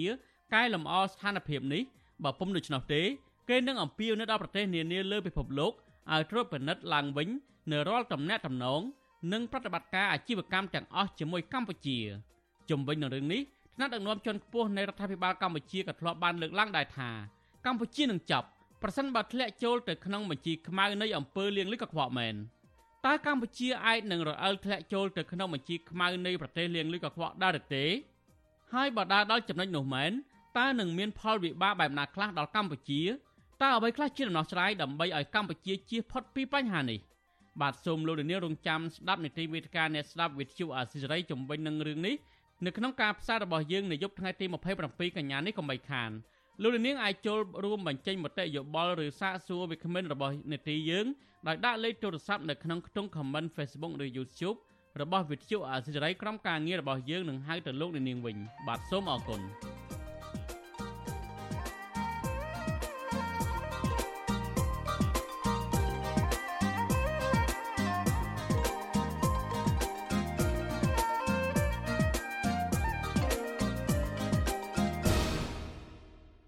បាទលោកនាងជាទីមេត្រីអ្នកខ្លោមើលការវិវត្តនៃរដ្ឋធម្មនុញ្ញកម្ពុជារកឃើញថាការរំលោភរដ្ឋធម្មនុញ្ញធ្ងន់ធ្ងរបំផុតគឺជាការបំពានពាក្យសម្បត្តិខ្លួនឯងរបស់សមាជិកសភានិងសមាជិកគណៈរដ្ឋមន្ត្រីតាមមន្ត្រីជាប់ឆ្នោតនៃស្ថាប័នកម្ពុជាទាំងពីរនេះបំពានសម្បត្តិបែបណា បាទក្នុងឱកាសខួប29ឆ្នាំនៃការប្រកាសឲ្យប្រើប្រាស់រដ្ឋធម្មនុញ្ញឆ្នាំ1993ក្នុងខែកញ្ញានេះ លោកជីវិតាមានសេចក្តីរាយការណ៍មួយផ្ដោតលើពាក្យសច្ចាប្រណិធានរបស់សមាជិកសភានិងគណៈរដ្ឋមន្ត្រីនឹងការបំពានលើឋានានុក្រមនៃច្បាប់ដែលមានសេចក្តីដូចតទៅរដ្ឋធម្មនុញ្ញកម្ពុជាបច្ចុប្បន្ន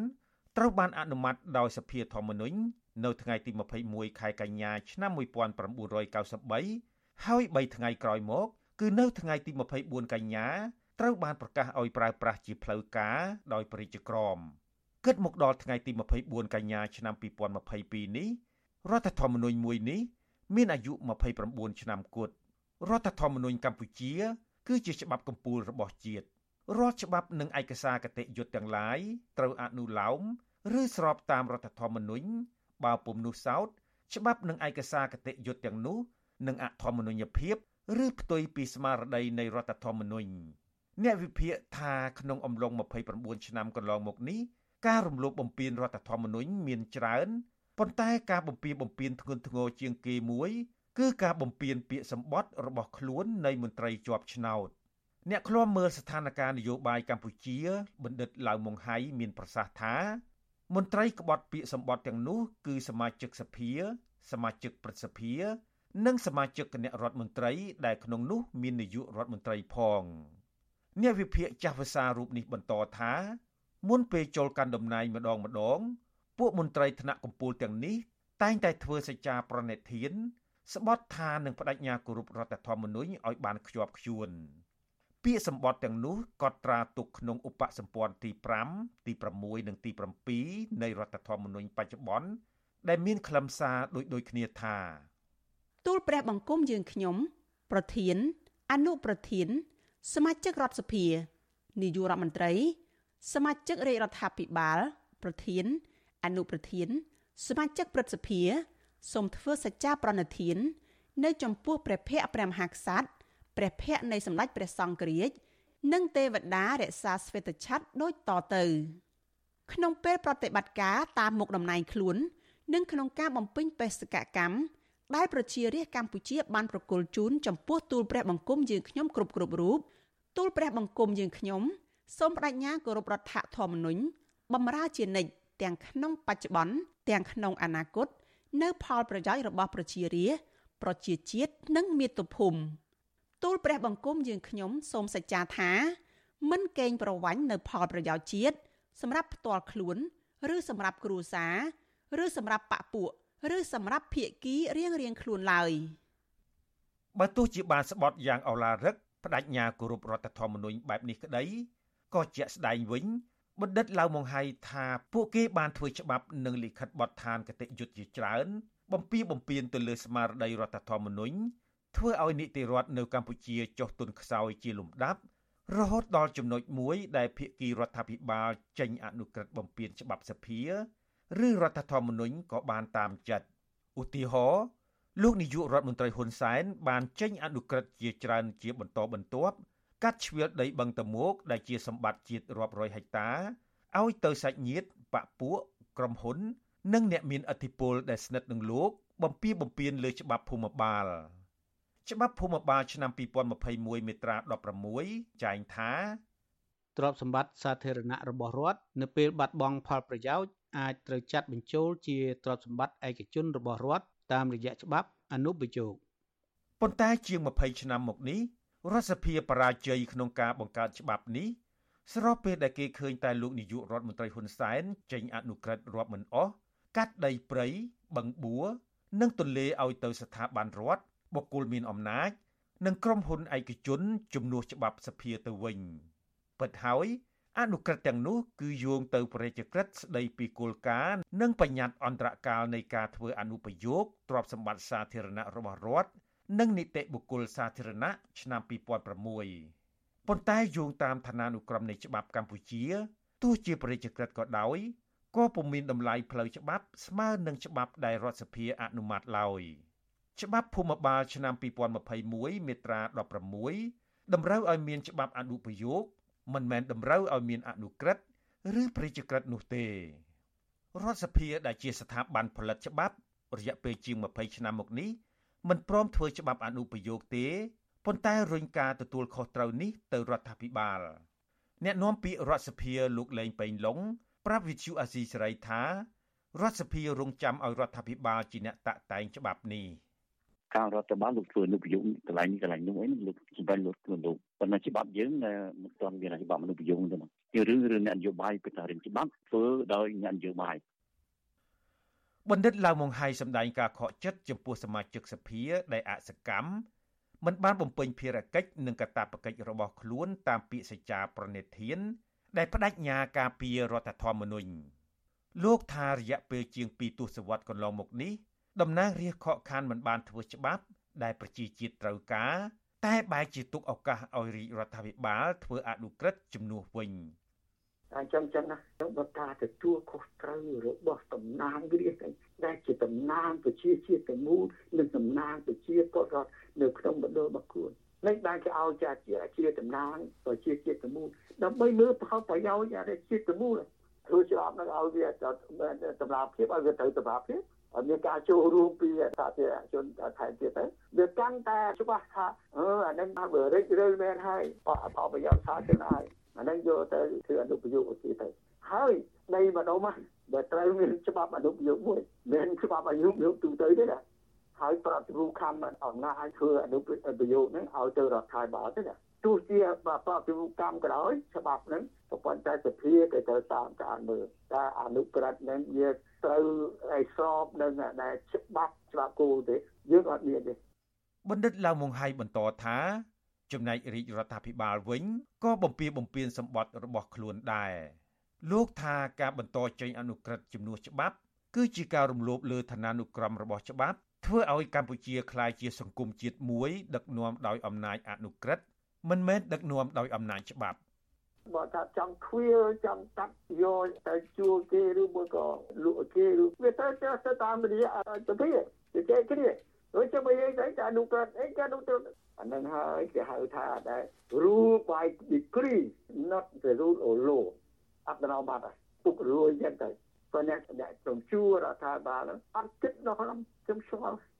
ហើយចំអហេអំណាចផ្ដាច់ការវាអត់ដល់មកអញ្ចឹង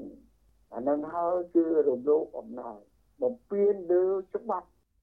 វិទ្យុអាស៊ីសេរីមិនអាចតាក់ទងប្រធានអ្នកនាំពាក្យរាជរដ្ឋាភិបាលលោកផៃស៊ីផាន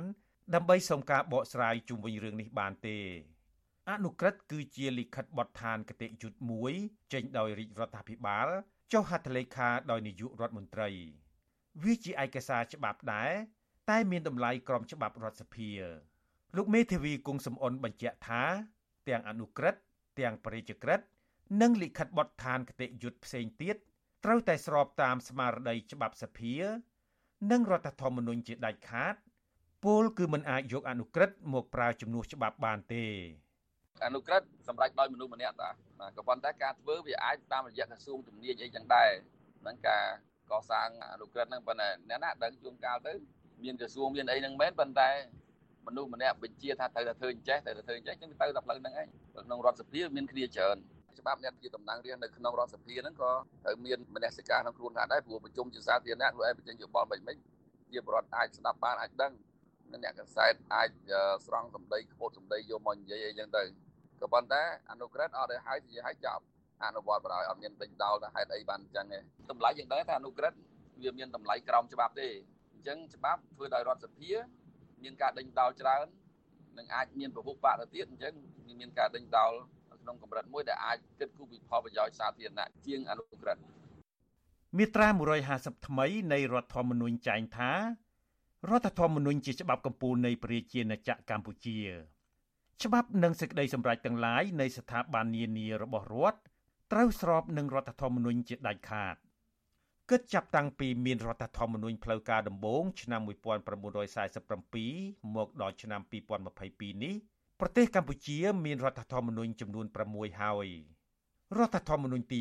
1គឺពីឆ្នាំ1947ដល់ឆ្នាំ1970គឺក្នុងសម័យប្រជាណាចក្រកម្ពុជាទី1រដ្ឋធម្មនុញ្ញទី2គឺក្នុងសម័យសាធារណរដ្ឋខ្មែរពីឆ្នាំ1970ដល់ឆ្នាំ1975រដ្ឋធម្មនុញ្ញទី3គឺក្នុងសម័យកម្ពុជាប្រជាធិបតេយ្យឬរបបខ្មែរក្រហម ពីឆ្នាំ1975ដល់ឆ្នាំ1979រដ្ឋធម្មនុញ្ញទី4គឺក្នុងសម័យសាធារណរដ្ឋប្រជាមានិតកម្ពុជា ពីឆ្នាំ1979ដល់ឆ្នាំ1989គឺអំឡុងពេលកងទ័ពវៀតណាមកាន់កាប់កម្ពុជារដ្ឋធម្មនុញ្ញទី5គឺក្នុងសម័យរដ្ឋកម្ពុជា ពីឆ្នាំ1989ដល់ឆ្នាំ1993ចំណែករដ្ឋធម្មនុញ្ញទី6 គឺក្នុងសម័យកាលប្រជាណាចក្រកម្ពុជាទី2នេះពីឆ្នាំ1993រហូតមកដល់បច្ចុប្បន្នក្នុងចំណោមរដ្ឋធម្មនុញ្ញទាំង6រដ្ឋធម្មនុញ្ញបច្ចុប្បន្នល្អជាងគេ ពីព្រោះច្បាប់កម្ពុជាមួយនេះបានដាក់បញ្ចូលច្បាប់សិទ្ធិមនុស្សសកល និងផ្ដល់សេរីភាពលើគ្រប់វិស័យដល់ពលរដ្ឋខ្មែរយ៉ាងទូលំទូលាយចំណែកស្ថាប័នរដ្ឋសភារដ្ឋាភិបាល និងតុលាការ រដ្ឋធម្មនុញ្ញនេះតម្រូវឲ្យឯករាជ្យពីគ្នា ដើម្បីឲ្យមានតុល្យភាពអំណាចសម្ដៅធានានៅស្ថិរភាពនយោបាយនីតិរដ្ឋនិងយុតិធធម៌សង្គមប៉ុន្តែការអនុវត្តជាក់ស្ដែងវិញគេសង្កេតឃើញថាអំណាចរដ្ឋាភិបាល តែងគ្របសង្កត់លើស្ថាប័នរដ្ឋសភា និងតុលាការ ចាប់តាំងពីឆ្នាំ1993មករដ្ឋធម្មនុញ្ញកម្ពុជាត្រូវបានធ្វើវិសោធនកម្មចំនួន10លើកហើយ ដែលវិសោធនកម្មប៉ុន្មានដងចុងក្រោយនេះត្រូវគេមើលឃើញថាកាន់តែជួយពង្រឹងអំណាចរដ្ឋាភិបាលខ្លាំងឡើងទោះជាយ៉ាងណាក៏ដោយចុះបណ្ឌិតឡាវម៉ុងហៃមានប្រសាសន៍ថា សមាជិកសភា សមាជិកព្រឹទ្ធសភា និងសមាជិករាជរដ្ឋាភិបាលគួរតែគោរពពាក្យសម្បត្តិរបស់ខ្លួន ដែលសច្ចាថាត្រូវគោរពការពាររដ្ឋធម្មនុញ្ញដែលជាច្បាប់កម្ពុជារបស់ជាតិខ្ញុំជីវិតាអាស៊ីសេរី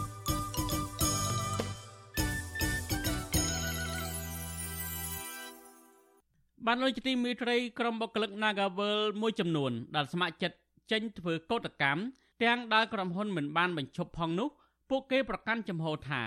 នឹងបន្តចូលរួមតវ៉ារហូតទាល់តែមានដំណោះស្រាយពួកគេសង្ឃឹមថាក្រុមហ៊ុននឹងទទួលយកក្រុមអ្នកតវ៉ាជាពិសេសក្រុមមេដឹកនាំសហជីពឲ្យចូលធ្វើការវិញបាទអ្នកស្រីសុជីវីរាយការណ៍ព័ត៌មាននេះក្រមស្ត្រីកោតតកប្រកាន់ជំហរទាំងក្តីសង្ឃឹមបែបនេះបើទោះបីជាពួកគេបាត់បង់ប្រាក់ចំណូល និងរងអំពើហិង្សាពីសំណាក់អាជ្ញាធរអ្នកចេញជួយធ្វើកោតកម្មម្នាក់លោកស្រីប៊ុនស៊ីណានិយាយថាកោតកោតែងតែត្រូវក្រុមអាជ្ញាធរក្រុមសន្តិសុខសាលាខណ្ឌនិងសន្តិសុខក្រុមហ៊ុនវាយទាត់រុញច្រាននិងបំពេញរាងកាយលោកស្រីស៊ូអត់ទ្រាំនឹងការលំបាកនេះព្រោះមិនចង់បាត់បង់សហជីពដែលជួយការពារផលប្រយោជន៍របស់បុគ្គលិកនៅក្នុងក្រុមហ៊ុនតែកាត់សហជីពហើយគឺពួកខ្ញុំគឺត្រូវរងជំទាបច្រើនណាស់ ហើយដោយអត្ថប្រយោជន៍អីអត់អាចថិតថេរទេព្រោះក្រុមហ៊ុនមិនដែលសុកសុកគាត់ផ្ដល់អត្ថប្រយោជន៍ឲ្យបុគ្គលិកដើម្បីបានប្រាក់ខែសមរម្យនិយាយចឹងខ្ញុំគិតថាបើអត់សហជីពគឺខ្ញុំគឺពិបាកខ្លាំងកាលពីចុងឆ្នាំ2021ក្រុមហ៊ុនបនលបៃ Nagavel បានបញ្ឈប់បុគ្គលិកជាង1300នាក់ក្រោមហេតុផលជួបវិបត្តិហិរញ្ញវត្ថុដោយសារបញ្ហាជំងឺ Covid-19 ក្នុងចំណោមនោះ ក៏មានក្រុមមេដឹកនាំសហជីពប្រចាំក្រុមហ៊ុននេះដែរពេលនោះក្រុមបុគ្គលិកព្រមទាំងអ្នកដែលឈឺឆ្អាលរឿងនេះផ្ទុះការតវ៉ាដើម្បីឲ្យក្រុមហ៊ុនទទួលយកពួកគេឲ្យចូលធ្វើការវិញ ការតវ៉ាជាង9ខែមកនេះក្រុមហ៊ុននៅតែបដិសេធមិនទទួលយកបុគ្គលិកដែលខ្លួនបញ្ឈប់នោះឲ្យចូលធ្វើការវិញឡើយបើទោះបីជាបុគ្គលិកមួយចំនួនព្រមឈប់ធ្វើការដោះដូរគ្នាជាមួយនឹងអ្នកដែលត្រូវបញ្ឈប់ក៏ដោយ ក្រុមកោតតកឲ្យដឹងថាអ្នកស្ម័គ្រចិត្តលះបង់ការងារដោះដូរគ្នានេះមានចំនួនប្រមាណ200នាក់លោកស្រីប៊ុនស៊ីណាបញ្ជាក់ថាកោតតកព្យាយាមផ្ដល់ជំរឿសឲ្យក្រុមហ៊ុនធ្វើយ៉ាងណាឲ្យមេដឹកនាំសហជីពបានចូលធ្វើការវិញ អ្នកស្រីថាការពៀសហជីពនៅ Nagavel គឺជាគំរូឲ្យសេរីភាពសហជីពនៅទូទាំងប្រទេសអញ្ចឹងហើយបានជាខ្ញុំសម្រេចចិត្តចេញតវ៉ាដើម្បីឲ្យថកែនឹងគោរពច្បាប់ ការងាររបស់ប្រទេសមិនថាតែខ្លួនខ្ញុំទេដើម្បីទាំងអស់កម្មករខ្មែរហើយកូនចៅចំនួនក្រោយទៀតបើក្រុមហ៊ុនគាត់រំលោភបំពានច្បាប់បានវាជាអត្តពលអាក្រក់ដល់កម្មករហើយវាប៉ះពាល់ច្រើនណាបងអ្នកស្ម័គ្រចិត្តជួយចេញធ្វើកោតកម្មម្នាក់ទៀតលោកស្រីផូលីនរៀបរាប់ថាលោកស្រីធ្វើការនៅផ្នែកបនលបែងធ្លាប់បានប្រាក់ខែសមរម្យអាចជួយផ្គត់ផ្គង់ជីវភាពប៉ុន្តែពេលនេះលោកស្រី ត្រូវចាយវាយដោយសន្សំសំចៃបំផុតលោកស្រីឈឺចាប់នៅពេលដែលអាជ្ញាធរនៃអនុវត្តច្បាប់ប្រើហិង្សាឥតប្រណីលើកូតកោយើងមានខអីសោះហើយយើងគ្រាន់តែទៀមទាឲ្យត្រូវកែបរទេសមកគោរពច្បាប់ប្រទេសយើងបើជាត្រូវប្រើអំពើហិង្សាគ្រប់រូបភាពទាំងអស់ប៉ុណ្ណឹងគឺខ្ញុំគិតថាខ្ញុំទួមសង្ឃថាបែកឈាមបែកអីហើមដៃហើមជើងចំដៃចំជើងក៏ពួកខ្ញុំអាចទៅបន្តទៅបានពួកខ្ញុំគិតថាខ្ញុំអត់មានខុសច្បាប់ទេ អញ្ញាធរក្រុងភ្នំពេញតែងបំបីក្រុមកោតក្រមិនអោយតវ៉ានៅក្បែរក្រុមហ៊ុនក្នុងពេលជំងឺ Covid-19 រីករាលដាលខ្លាំងអាជ្ញាធរក្រុងភ្នំពេញបានចាប់បង្ខំដឹកអ្នកតវ៉ាទៅដាក់ចោលនៅមណ្ឌលចាត់តល័យស័កឬនៅជាយជាយក្រុងកូតកោជាស្ត្រីជាច្រើនអ្នករបួសរាងកាយបែកមុខបែកច្រមុះនិងសន្លប់លើសពីនេះស្ត្រីម្នាក់បានរលូតកូននៅក្នុងផ្ទៃថែមទៀតមេដឹកនាំសហជីព8នាក់បានជាប់ពន្ធនាគារពីបទញុះញង់ ប៉ុន្តែត្រូវដោះលែងឲ្យនៅក្រៅឃុំសមាជិកសហជីព3នាក់ទៀតក៏ធ្លាប់ជាប់ឃុំពីបទរារាំងវិធានការទប់ស្កាត់ជំងឺ Covid-19 ដែរកោតកម្មដែលមិនទាន់មានដំណោះស្រាយនេះធ្វើឲ្យជីវភាពរបស់កោតកោកាន់តែដុនដាបកោតកោបានប្រកាសសុំជំនួយជាសម្ភារៈនិងថវិការ យៈពេលចុងក្រោយនេះពួកគេបានប្រមូលចានឆ្នាំងទៅធ្វើម្ហូបរួមគ្នា និងបោះតង់នៅកន្លែងកោតកម្មក្បែរក្រុមហ៊ុន Nagavel កោតកោមួយចំនួនរួមទាំងអ្នកស្រីប៊ុនស៊ីណា បានធ្វើការងារក្រៅម៉ោងជាអ្នកបោសសម្អាតដើម្បីដោះស្រាយជីវភាពសម្រាប់បន្ទុកគ្រួសារថ្ងៃសៅរ៍ហ្នឹងខ្ញុំទៅសម្អាតនៅក្រៅបានមួយកន្លែងហើយថ្ងៃអាទិត្យហ្នឹងគេជួលឲ្យខ្ញុំទៅសម្អាតបន្ថែមគេជួលខ្ញុំដាក់ធ្វើបន្តទេគាត់ឈឺគាត់បានមកធ្វើអញ្ចឹងគាត់ហៅខ្ញុំទៅធ្វើបន្តខ្ញុំបានថា20000ទេលោកស្រីបន្តទៀតថាកូតតកទាំងអស់សុទ្ធតែត្រូវរ៉ាប់រងជីវភាពគ្រួសារហើយការលំបាកនេះ ធ្លាក់ទៅលើកូននិងសមាជិកគ្រួសាររបស់លោកស្រីដែរមានតាមពាន់នៅនឹងកប៉ៅកូនទារបស់ញ៉ាំតម្លៃលើពីនឹងគឺខ្ញុំអត់មានលុយខ្ញុំតែនៅកុហកចាំម៉ាក់បានការងារធ្វើម៉ាក់ទិញឲ្យកូនលោកស្រីប៊ុនស៊ីណាបន្តទៀតថាអាញាធរពពន់របស់រដ្ឋាភិបាល មានទាំងក្រសួងការងារក្រសួងកិច្ចការនារី និងសាលាក្រុង គួរពិចារណាឡើងវិញពីទុកលំបាករបស់កូតកោដែលតវ៉ាដើម្បីតែឆ្នាំងបាយនេះវិទ្យុអាស៊ីសេរីមិនអាចសុំការឆ្លើយតបរឿងនេះពីអ្នកនាំពាក្យក្រសួងការងារនិងបណ្ដុះបណ្ដាលវិជ្ជាជីវៈលោកហេងសួរអ្នកនាំពាក្យក្រសួងកិច្ចការនារីលោកស្រីម៉ានចិន្តាអភិបាលរាជធានីភ្នំពេញលោកខួងស្រេងនិងអ្នកនាំពាក្យរដ្ឋាភិបាលលោកផៃស៊ីផានបានទេទោះយ៉ាងណាអ្នកនាំពាក្យគណៈបកប្រជាជនកម្ពុជាលោកសុកអេសានអះអាងថាអញ្ញាធររបស់គណៈបកកាន់អំណាច អនុវត្តតាមច្បាប់ឯការប៉ះទង្គិចឬអំពើហិង្សាកើតទៅលើអ្នកតវ៉ាគឺជាករណីធម្មតានៅពេលមានការអនុវត្តច្បាប់តែបាត់សម្ដាប់ធ្នាប់ហើយសន្តិសុខគេមានទូនាទីភារកិច្ចដើម្បីរៀបរយសម្ដាប់ធ្នាប់ហើយគេមិនអោយមនុស្សចំនួនតិចទៅធ្វើបាតុភិបអសកម្មនៅក្នុងសង្គមទេសាលារដ្ឋាភិបាលភ្នំពេញនិងក្រសួងកាងារបានចេញប្រកាសជាញឹកញយថាអាញាធរនៅតែបន្តដោះស្រាយវិវាទនេះប៉ុន្តែក្រសួងកាងារ មិនដែលជំទាស់យ៉ាងណាឡើយនៅពេលដែលភាគីក្រុមហ៊ុនអះអាងដដែលដដែលថាក្រុមហ៊ុនមានសិទ្ធិបញ្ឈប់បុគ្គលិកឬមិនអាចទទួលយកបុគ្គលិកដែលបញ្ឈប់នោះឲ្យចូលធ្វើការវិញប្រធានសហជីពនៅក្រុមហ៊ុន Nagavel កញ្ញាឈឹមស៊ីធឲ្យដឹងថាភាគីពាក់ព័ន្ធពិសេសគឺភាគីក្រុមហ៊ុន បានអូសបន្លាយវិវាទនេះដើម្បីដាក់សម្ពាធទៅលើជីវភាពរស់នៅរបស់កូតកោប៉ុន្តែកូតកោភាគច្រើនមិនផ្លាស់ប្ដូរជំហររបស់ពួកគេទេគាត់សុខចិត្ត ប្រឈមដើម្បីការពារវត្តមានសហជីពហើយដើម្បីបង្ហាញថាបើមិនដោះស្រាយឲ្យគឺពួកគាត់នឹងនៅតែបន្តការទៀមទាអញ្ចឹងបើទោះបីជាមានចេតនានៅក្នុងការបន្លាយពេលវេលាឲ្យពួកគាត់អស់លទ្ធភាពឲ្យពួកគាត់បោះបង់ចោលទៀមទាធម៌យល់ព្រមគប់ធ្វើការឬក៏ត្រឡប់ទៅធ្វើការវិញទាំងគ្មានដំណោះស្រាយទាំងអយុធធម៌អញ្ចឹងមកដល់ពេលនេះបុគ្គលិកកម្មករដែលមិនព្រមទទួលយកសំណងគឺនៅសល់ជាង100នាក់កំពុងទៀមទាចូលធ្វើការវិញ ជាមួយគ្នានេះក្រុមកោតក្របានដាក់ញត្តិទៅក្រសួងកាងារទៅរដ្ឋសភា និងចុងក្រោយនេះទៅខុទ្ទកាល័យលោកយមត្រីហ៊ុនសែនដើម្បីឲ្យជួយដោះស្រាយវិវាទនេះប៉ុន្តែមកដល់ពេលនេះមិនមានការឆ្លើយតបយ៉ាងណានៅឡើយតំណាងក្រុមហ៊ុននិងកម្មករបានចរចាគ្នាជាច្រើនលើកច្រើនសារតែមិនអាចរកដំណោះស្រាយបានគូភាគីសន្យាថានឹងចរចាគ្នាជាថ្មីទៀតនៅដើមខែតុលាក្រោយចប់បុណ្យភ្ជុំបិណ្ឌ លោកស្រីប៊ុនស៊ីណារំពឹងថាក្រុមកម្មករនិងសហជីពដែលប្រឹងប្រែងដើម្បីសេរីភាពសហជីពនេះនឹងទទួលបានយុត្តិធម៌នៅទីបញ្ចប់ខ្ញុំជឿជាក់ថាយុត្តិធម៌ត្រូវតែមានសម្រាប់កម្មករដូចជាពួកខ្ញុំដែលរងយុត្តិធម៌ពីតកែការទាមទារសិទ្ធិសេរីភាពសហជីពនិងច្បាប់ការងារនេះគឺមិនងាយនឹងនឹងរកបានទេ ចានោះត្រូវតែយើងតស៊ូលះបង់ដោយចិត្តស្មោះទើបយើងអាចការពារសហជីពបាន ពាក់ព័ន្ធនឹងករណីកោតក្រ Nagawal នេះក្រមសហជីពជាតិនិងអន្តរជាតិអង្គការសិទ្ធិមនុស្សអ្នករាយការណ៍ពិសេសរបស់អង្គការសហប្រជាជាតិរួមទាំងតំណាងសហភាពអឺរ៉ុបផងបានទាមទារឲ្យអាជ្ញាធរដោះស្រាយបញ្ចប់រឿងនេះដោយធានាការពារឲ្យបានសិទ្ធិសេរីភាពសហជីពនៅក្នុងក្រុមហ៊ុននេះបាទលោកនាងជាទីមេត្រីការផ្សាយរយៈពេល1ម៉ោងនៃវិទ្យុអាស៊ីសេរីជាភាសាខ្មែរនៅពេលនេះចប់តែប៉ុណ្ណេះយើងខ្ញុំសូមជូនពរដល់លោកនាងព្រមទាំងក្រុមគ្រួសារទាំងអស់ ឲ្យជួបប្រកបតែនឹងសេចក្តីសុខចម្រើនរុងរឿងកុំបីឃ្លៀងឃ្លាតឡើយខ្ញុំបាទទីនសាករិយាព្រមទាំងក្រុមការងារទាំងអស់នៃវិទ្យុអាស៊ីសេរីសូមអរគុណនិងសូមជម្រាបលា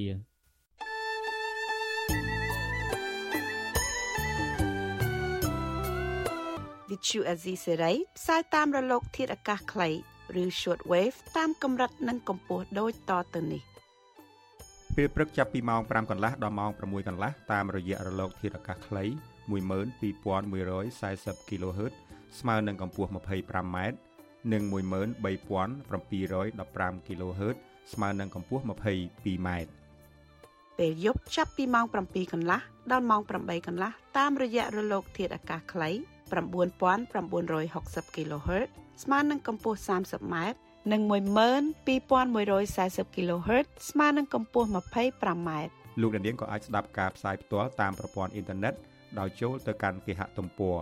www.rfa.org/ ខ្មែរក្រៅពីនេះលោកអ្នកនាងក៏អាចអាននិងទស្សនាព័ត៌មានវិទ្យុអេស៊ីសរ៉ៃលើទូរស័ព្ទដៃរបស់លោកអ្នកផ្ទាល់សូមលោកអ្នកនាង ចូលទៅកាន់បណ្ដាញសង្គម Facebook ដែលមានអាសយដ្ឋាន www.facebook.com/rfa cambodia និង YouTube www.youtube.com/rfa khmer video សូមលោកអ្នកនាងចុច like និងចុច Subscribe ដើម្បីទទួលបានព័ត៌មានថ្មីៗទាន់ហេតុការណ៍និងទស្សនាវីដេអូផ្សេងៗទៀតបានគ្រប់ពេលវេលា។